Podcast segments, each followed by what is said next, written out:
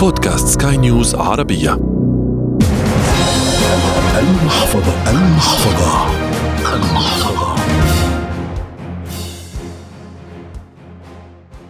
أهلا بكم في هذه الحلقة الجديدة من برنامج المحفظة والذي يأتيكم عبر منصة بودكاست سكاي نيوز عربية. معي أنا أحمد لاغا.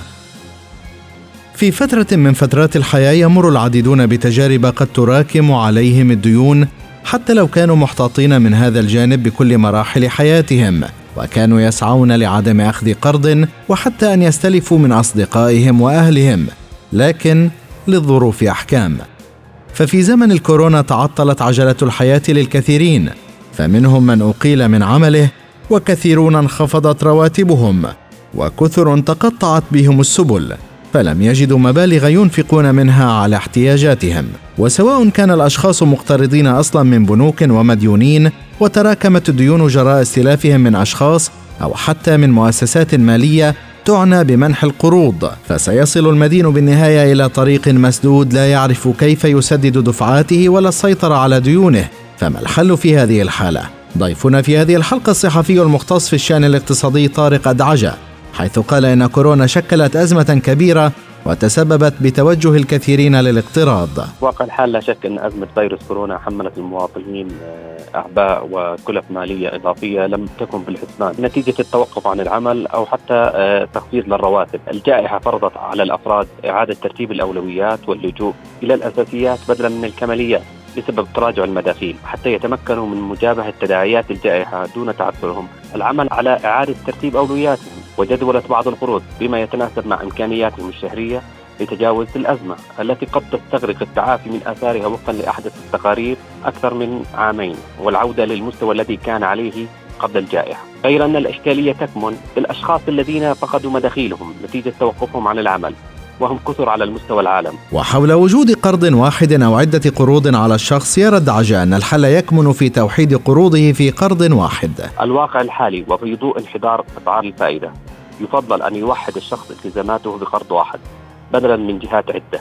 سيما وأن القروض السابقة كانت بكلف مرتفعة رغم التخفيضات التي تمت عليها. أما في حال كان الفرد ملتزم بقرض واحد فإن خيار تأجيل القرض يعتبر أفضل الأسوأ. حتى وإن ترتب على ذلك فوائد وذلك إلى حين استقرار الأوضاع المالية للشخص وعودة الحياة كما كانت عليه قبل الجائحة. ويفضل أن لا يكون نسبة الاقتطاع من الدخل لغايات التسديد أكثر من 40% حتى يتمكن الشخص من القدرة على تأمين احتياجاته بخاصة الأساسية منها والقدرة على الاستمرار في الحياة دون تعثر. وأشار الصحفي المختص في الشأن الاقتصادي إلى أن يستغل الفرد انخفاض أسعار الفوائد على القروض من البنوك ليجدول قروضه. يعني آه، إذا تنظر إلى البنوك البنوك تتنافس فيما بينها بالوقت الحالي في منح القروض للأفراد بأسعار آه، منخفضة.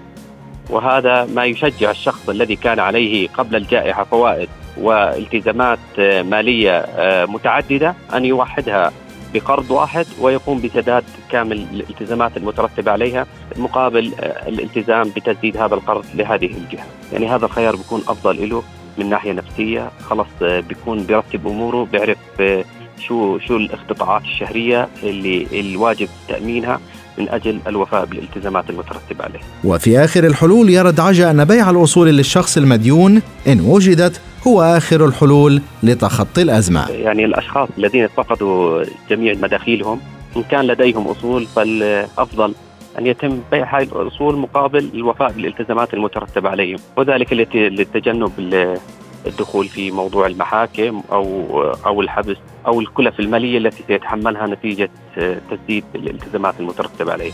لأنه بالنهاية أي بنك إن لم يتمكن الفرد خلال فترة محددة بتسديد هذا القرض يلجأ إلى الرهن رهن أصوله وبالتالي يخسر الفرد أصوله وبيع أصوله بقيمة أقل من قيمته الحقيقية والفعلية وحتى أنه لا يستطيع أن يحصل 75% من قيمته الأصلية في في حال أنه ذهب للمزاد العلني ومن الناحية الأخرى تواجه البنوك تصاعد وتيرة طلبات إعادة جدولة الديون من قبل الشركات والأفراد المقترضين استجابة للوضع المالي الراهن حيث تقوم بدراسة كل حالة على حدة وبطريقة تفصيلية لترى ماذا ستفعل مع هذا الشخص، ولكن لكل بنك طريقته الخاصة في التعامل مع المديونين، ومن التسويات والحلول التي تقوم البنوك بتقديمها أحدها هو عدم تأثر التدفقات النقدية ومستويات السيوله لديها بحيث توفر ضمان استمرارية التدفقات النقدية التي تمكن البنوك من القيام بالإقراض وتعزيز مستويات الملاءه المالية لديها.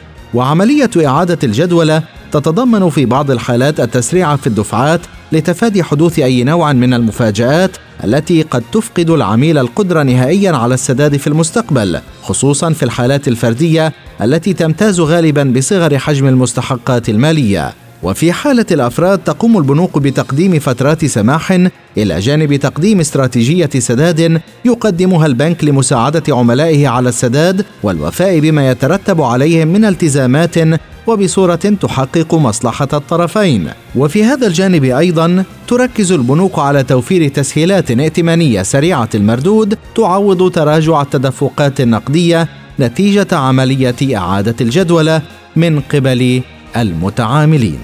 إلى هنا تنتهي هذه الحلقة من برنامج المحفظة والذي يأتيكم عبر منصة بودكاست سكاي نيوز عربية كان في التقديم أحمد الآغا وفي الإخراج الإذاعي غسان أبو مريم إلى اللقاء.